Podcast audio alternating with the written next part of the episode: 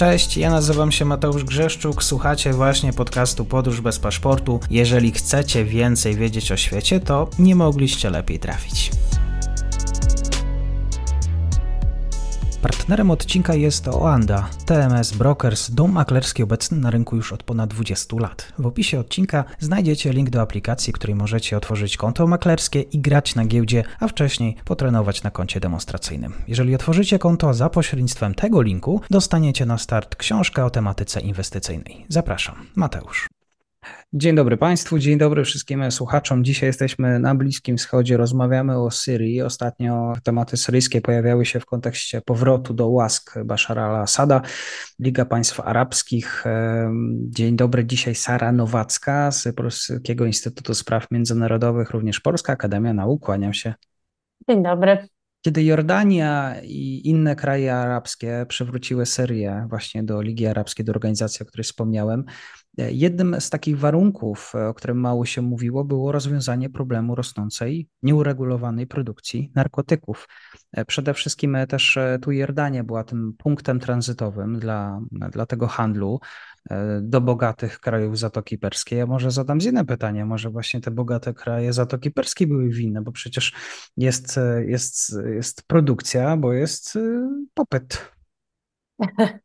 No, to znaczy popyt jest, y, ale jednak y, no, ten problem wzrósł gigantycznie od powiedzmy takich lat 2017-18, czyli dokładnie w momencie, w którym Assad zaczął wracać do coraz, jakby do kontroli nad coraz większym, większymi terytoriami syryjskimi. Jest niewątpliwie tak, że chociaż ten handel i produkcja narkotyków, jakby w sytuacji, kiedy w Syrii była wojna domowa, się gdzieś tam rozwijał i istniał, co no często w takich, y, takiej skrajnie niestabilnej sytuacji się wydarza, to dopiero właśnie ta coraz większa kontrola Asada pozwoliła na produkcję narkotyków na skalę przemysłową, to znaczy pozwoliła, no, taka była jego wola i taki też był na to w zasadzie pomysł, tak? E, mhm. Więc e, z jednej strony oczywiście no, mamy popyt, dlatego że państwa Zatoki są bogate, choć to nie tylko jakby jest problem tych powiedzmy bogatych, nie wiem, bogatej młodzieży, czy generalnie bogatych mieszkańców państw Zatoki, bo te narkotyki się też rozprzestrzeniają no chociażby właśnie w Jordanii, która jest punktem tranzytowym, czy, czy w Iraku, który też jest coraz ważniejszym punktem tranzytowym, no ale niejednokrotnie jest tak, że przemytnicy na kolejnych etapach tym swoim powiedzmy kontrahentom płacą też w narkotykach, tak? Więc siłą rzeczy te narkotyki trafiają również na, na rynek jordański, iracki, libański i tak dalej. Jest to problem gigantyczny w zasadzie, znaczy skala tego problemu jest gigantyczna, dlatego że wartość handlu e, kaptagonem, który jest takim najbardziej popularnym czy najbardziej powszechnie produkowanym w Syrii narkotykiem ocenia się na świecie na 57 miliardów dolarów, z czego 80% produkowane jest w Syrii. Więc jest to naprawdę problem gigantyczny i nie tylko bliskowschodni. Już nawet dzisiaj, chciałam przygotowując się do, do naszej rozmowy, sobie zerknęłam, czy są jakieś takie najnowsze informacje. I dosłownie z dzisiaj pojawiły się takie raporty, doniesienia, że europejscy, w sensie na poziomie unijnym, gdzieś tam władze i eksperci zaczęli e, intensywnie rozmawiać o tym, że Assad być może będzie chciał jednak coraz więcej narkotyków właśnie w tym, no, w naszym kierunku sprzedawać, ze względu właśnie na, na jego wolę poprawy relacji z państwami Zatoki. Być może będzie przekierowywał ten handel. Mhm. Kaptagon bardzo e, uzależniający e, narkotyk, w dodatku produkowany dosyć e, tanio, przeznaczony właśnie do krajów Zatoki Perskiej. Oczywiście rząd syryjski zaprzeczał udziałowi w produkcji, ale no to jest naczynia połączone. To nie jest tylko przywództwo Asada, ale jest oczywiście wojsko, mamy Iran, bojówki w południowej Syrii, więc to jakby układ scalony. Mamy cały, cały, cały system, który wspomaga ten proceder. Tak, no myślę, że ta rola Iranu tutaj i Hezbollahu jest w zasadzie w dużej mierze kluczowa, bo Hezbollah już powiedzmy w latach 80., czyli kiedy powstał, związał się z produkcją narkotyków. Wtedy to były konopie indyjskie, które Hezbollah produkował w Libanie, głównie w Dolinie Beka. No Syria, jak wiemy, w trakcie wojny domowej w Libanie była tam bardzo obecna, a Hezbollah był jej sojusznikiem, więc reżim wtedy jeszcze ojca Bashara al-Assada, czyli Hafiza al-Assada, korzystał, też zarabiał na tym przemycie, tak? Dlatego też myślę, że to jest ważne, żeby o tym mówić, bo coraz powszechniejsza staje się ta narracja, że narkotyki, problem narkotyków na Bliskim Wschodzie i problem powiązania Asada z handlem narkotykami jest jakimś pokłosiem zachodnich sankcji. E, mam wrażenie, że ta narracja staje, zdaje się tak upowszechniać też, też gdzieś na Zachodzie. E, no ale to nie jest tylko kwestia sankcji, tak? To znaczy, jakby ten reżim Asadów, powiedzmy, no nie unikał nigdy wcześniej tego rodzaju działalności i był z nią powiązany już dawno. E, no i tutaj Hezbollah jako właśnie syryjski sojusznik, przede wszystkim jego znajomość szlaków przemytniczych, no i fakt, że jest organizacją absolutnie taką transgraniczną, ma ogromne znaczenie. Y, Hezbollah nawet wysłał swoich aktywistów do Ameryki Centralnej i Południowej, żeby tam jakby współpracowali w zakresie y, dalszego przemytu narkotyków na tamtych terytoriach, tak? No bo jak wiemy, Ameryka Południowa też słynie z powszechności tego problemu. Więc, y, więc tutaj no, powiedziałabym, że, że być może normalizacja z Asadem pomoże rzeczywiście ograniczyć jakby skalę tego problemu w państwach Zatoki ze względu na to, jak bardzo są wpływowe i jak bardzo Asadowi zależy na, na tych relacjach, jak, ze względu na potencjał finansowych korzyści. Ale to nie znaczy, że ten problem się skończy tak globalnie, bo prawdopodobnie po prostu mm, nasili się przemyt narkotyków syryjskich gdzieś indziej na świecie. Mhm. To też jest, e, umówmy się, to nie jest tak, że z dnia na dzień Syria porzuci, e, zrobi wiele, aby powstrzymać ten jednak wielomiliardowy biznes. To wpływa również na, na słupki ekonomiczne samego państwa. Tak, no w tej chwili dochody z, z przemytu narkotyków to jest zdecydowanie główne źródło przychodu obcej waluty do Syrii, tak? I przekracza wielokrotnie wartość takiego oficjalnego eksportu. Wartość oficjalnego syryjskiego eksportu to było 800 milionów dolarów. E, natomiast samego przejętego w tym samym roku kaptagonu to było 6 miliardów dolarów, a takie powiedzmy no już maksymalistyczne oceny różnych ekspertów, którzy zajmują się przemytem narkotyków, mówią, że to może być nawet 30 miliardów dolarów rocznie. Także no jest to gigantyczna przepaść pomiędzy tym, co Syria jest w stanie zarobić z oficjalnego eksportu, a tym, co, co reżim zyskuje na, e, na produkcji kaptagonu. No a dodatkowo też może warto tutaj wspomnieć, że te osoby, poza już jakby samym Asadem, ale osoby i organizacje, które są zaangażowane w produkcję i przemyt, są też kluczowe dla jego przetrwania, w tym sensie, że są to, jest to ta tak zwana słynna czwarta dywizja kierowana przez e, brata Asada. E, I to jest część syryjskiej armii, której, no szczególnie właśnie brat Asada Maher al-Assad, jest od dawna objęty sankcjami ze względu na to, jakiej skali tortur się podejmował wobec syryjskich opozycjonistów w trakcie trwania wojny. No ale generalnie przede wszystkim właśnie wojsko i te wszystkie bojówki, które oficjalnie nie są powiązane z armią, no ale są syryjskimi bojówkami wspierającymi Asada, również zarabiają na, na przemycie narkotyków, więc jakby taka próba odcięcia ich od tego źródła dochodu, e, no byłaby dla Asada zbyt ryzykowna. Mhm. Dlatego no, z mojej perspektywy jest to praktycznie niemożliwe, żeby wymusić na ten moment, czy w ogóle na Asadzie konkretnie, jakieś tutaj radykalne działania. Tak? Z, moim zdaniem jedyny sposób, żeby rzeczywiście w Syrii doszło do jakiejś zmiany, no to niestety byłaby zmiana władzy, tak? No ale ta perspektywa myślę, że nam coraz bardziej odpływa.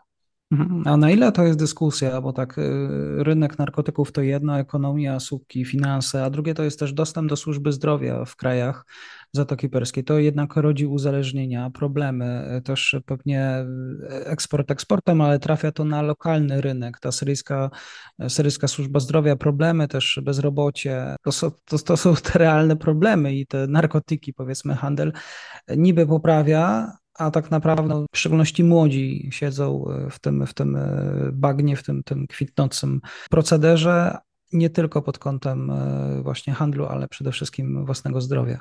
Tak, no i to jest właśnie o tyle też jakby Bliski Wschód jest podatnym gruntem, że już abstrahując od, od tego, że w państwach Zatoki mamy dużo bogatych ludzi, no to jednocześnie mamy w regionie w zasadzie straumatyzowane konfliktami rzesze ludzi, którzy nie mają za bardzo źródeł dochodów.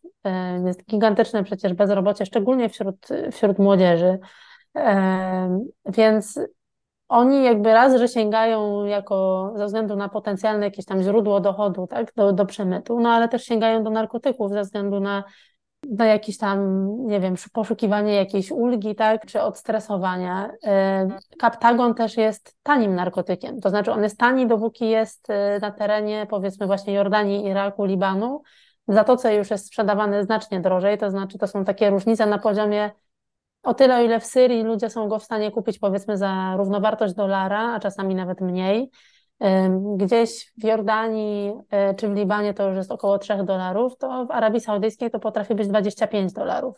Niemniej no nadal pozostaje względnie tanią formą rozrywki. No a tak jak powiedziałeś, jakby dostęp mhm. do służby zdrowia jest dramatycznie ograniczony. Może nie w państwach Zatoki, no ale w Libanie, w Iraku, e, w Jordanii to naprawdę jakby jest dostanie się do lekarza jakiegoś ogólnego jest trudne, a co dopiero do jakiegoś specjalisty związanego z uzależnieniami, z mhm. uzależnieniami.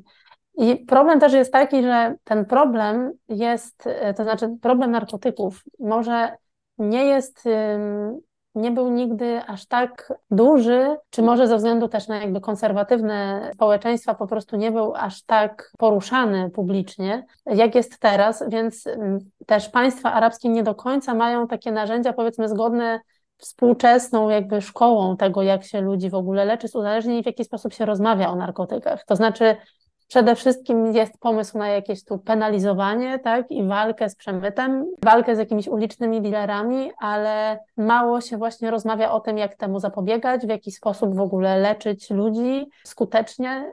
I jakby to też jest duży problem, tak? że, że brakuje tych narzędzi, brakuje specjalistów zajmujących się, zajmujących się uzależnieniami.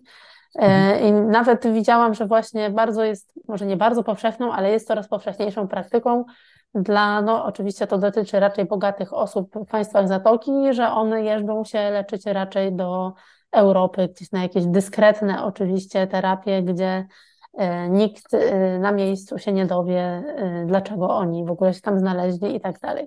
Tak chciałem zapytać, bo te to są decyzje na najwyższych stołkach o tym, że zawsze trzeba zakończyć jakiś proceder. Te sieci handlowe są bardzo mocno też zakorzenione w gospodarkach obu krajów, znaczy sąsiednich krajów, ale tutaj mówię o tych milicjach, o służbach, Ban Syria, Irak, to od tych ludzi, nie tylko od Syrii będzie zależeć o to, czy, no, czy uda się e, zaprzestać samej produkcji. Nie wszystko zależy od Syrii, o, to chciałem podkreślić. Tak, no to prawda.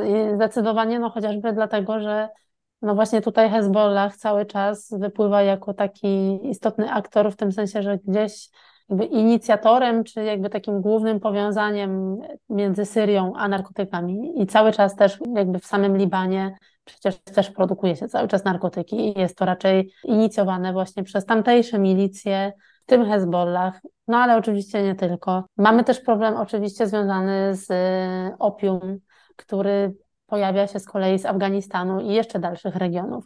Więc jakby no Bliski Wschód też nie jest pod tym kątem odizolowany i w momencie, w którym takie siatki przemytnicze się pojawiają, no to one czasem ze sobą konkurują, ale czasem też ze sobą współpracują. To znaczy no Hezbollah też w pewnym momencie, tak jak zaczynał od konopi indyjskich, przerzucił się na właśnie przemyt opium, ze względu na to, że było to bardziej intratny, był to bardziej intratny biznes po prostu. Więc jakby ten problem przemytu narkotyków jest o tyle trudny do rozwiązania, że jest bardzo dużo aktorów, którzy na nim korzystają. Ci aktorzy są rozsiani geograficznie na dosyć dużą szerokość. Tak naprawdę w ogóle początki przemytu kaptagonu jako takiego, no to y, geograficznie moglibyśmy sprowadzić nawet do Europy, tak? Bo pierwotnie był to lek, który nie zawierał amfetaminy w czystej postaci, tylko podobną substancję, nazywa się ona fenetylina. Ten lek okazał się być mocno uzależniający, więc został zakazany, no ale ze względu na to, że gdzieś tam w Europie były magazyny, których resztki y, tych pigułek zostały po tym, jak, on, jak ich handel już został y, zabroniony, no to pojawiły się gangi narkotykowe na południu Europy, gdzieś w Bułgarii, które y, zaczęły właśnie te tabletki przemycać. No i jakby stamtąd wyszedł w ogóle jakiś pomysł na ten konkretny produkt, który ze względu na to, że to w Europie zaczęła się dosyć intensywna walka z przemytem narkotyków, przenosił się stopniowo coraz bardziej na południe. No więc, ale jakby te, te powiązania dalej istnieją. To znaczy, nawet chyba dwa lata temu była taka sytuacja, kiedy y, okazało się, że w Austrii jest właśnie y, w Salzburgu y, jakaś pizzeria, przez którą z Syrii przemyca się kaptagon, który z powrotem trafia do Zatoki Perskiej. Jest to oczywiście bardzo pokrętna logika, no ale ma ona sens, dlatego że przemytnicy wyszli z założenia, że jeżeli to będzie trafiać z Europy, to jest mniejsza szansa, porty w Zatoce będą sprawdzać zawartość tego, co do nich trafia, bo hmm. jednak skoro trafia z Europy, no to z założenia jest mniej ryzykowne, co tam się znajduje. No ale to znaczy, że tutaj w Europie Środkowej cały czas też istnieją jakieś elementy, czy jakieś gangi narkotykowe, które są powiązane z tym, co dzieje się na Bliskim Wschodzie. Więc to nie jest kwestia tylko zwalczania działań Asada, działań bojówek tam, ale też działań y, gangów tutaj, tak? Pojawiały się też takie teorie, nie wiem na ile wierzyć, że no Iran tutaj, który jest ważnym aktorem, e, w samym Iranie jest e, ponad 3 e, miliony uzależnionych, tak podobno, jeżeli chodzi o narkotyki, że Hezbollah i Teheran podjęły dosyć świadomą decyzję, jeżeli chodzi o zasypanie narkotykami właśnie świat zachodu. No, świat zachodu jest postrzegany jako jednak wróg, a tutaj no, życie, życie ludzkie z młodych ludzi, w szczególności e, krajów e, takich Europy Środkowej, Europy Zachodniej, no, jest zagrożone. Tak, i nawet e, tak w ramach ciekawostki była kiedyś taka wypowiedź Hasana Nasrallaha, czyli przywódcy Hezbollahu, kiedy on stwierdził, że mm, narkotyki oczywiście są w islamie jakby substancją zakazaną, natomiast sprzedawanie ich wrogom już nie jest. No więc oczywiście no, to, co, to, to, o czym powiedziałeś, jest jakąś teorią, także to zalanie Europy narkotykami i tak dalej. No myślę, że nie wiem, czy mam wystarczającą wiedzę akurat w tym zakresie, żeby się wypowiadać, a szczególnie jeżeli chodzi o działania Teheranu jako takiego. No ale myślę, że jest faktem, że y, organizacje takie jak Hezbollah starają się religijnie, czy starają się wykorzystywać religię do tego, żeby uzasadniać swoje działania tego rodzaju, tak? Y, I szukają gdzieś, znaczy co ciekawe, w zasadzie, jeżeli poczytamy sobie raporty o tym, w jaki sposób na przykład właśnie młodzież bardzo konserwatywnej Arabii Saudyjskiej wypowiada się na temat aspektów religijnych związanych z zażywaniem narkotyków, to wiele z nich mówi, że no, autorytety religijne są zgodne co do tego, że alkohol jest zakazany w islamie, ale co do narkotyków już mniej, bo obecność konopi indyjskich jakby w kulturze arabskiej yy, czy w ogóle na Bliskim Wschodzie sięga tysięcy lat. I no, dopóki to były konopie indyjskie, no to oczywiście możemy sobie wyobrazić, że jakby no, to nie jest aż tak szkodliwy narkotyk, żeby to się gdzieś tam przebijało przez, e, przez, mm, przez właśnie jakieś autorytety religijne i, e, i dlatego, że było tak obecne w tej kulturze, no to powiedzmy, że był to może jakiś problem zamiatany pod dywan i nikt o tym nie mówił, nikt nie wyznaczał tutaj jasnych granic, na ile to jest, nie wiem, grzechem, a na ile nie. Mhm. E, no ale to się właśnie przekłada na to, że jednak jakiś moralny, mm, nie wiem, poczucie, że coś jest nie tak z braniem narkotyków jest mniejsze niż, e, niż to dotyczące zażywania alkoholu, picia alkoholu na przykład. Tutaj też ta narracja się może w to wpisywać, że, że łatwiej po prostu jest uzasadnić organizacjom które no jednak używają religii jako swojego sztandaru do tego, to znaczy, żeby usprawiedliwić swoje działania w tym zakresie. No a już szczególnie, jeżeli te działania mają pomóc osłabić wroga, co no przecież Hezbollah jakby często o tym mówi. Tak, Liban, e, tutaj mieszkańcy głodują, obywatele. E, niestety problemy non-stop gospodarczo-ekonomiczne, tutaj akurat pigułki warte miliardy dolarów e, w portach Morza Śródziemnego. No cóż, bardzo dziękuję za dzisiejsze spotkanie. Sara Nowacka, Polski Instytut Spraw Międzynarodowych, Polska Akademia Nauk. Kłaniam się, do usłyszenia. Dziękuję, do usłyszenia. I to już koniec na dzisiaj. Zapraszam na profil podcastu Podróż bez paszportu na Facebooku, Instagramie i Twitterze. Zachęcam też do wsparcia mojej pracy na serwisie Patronite oraz Buy Coffee. Do usłyszenia.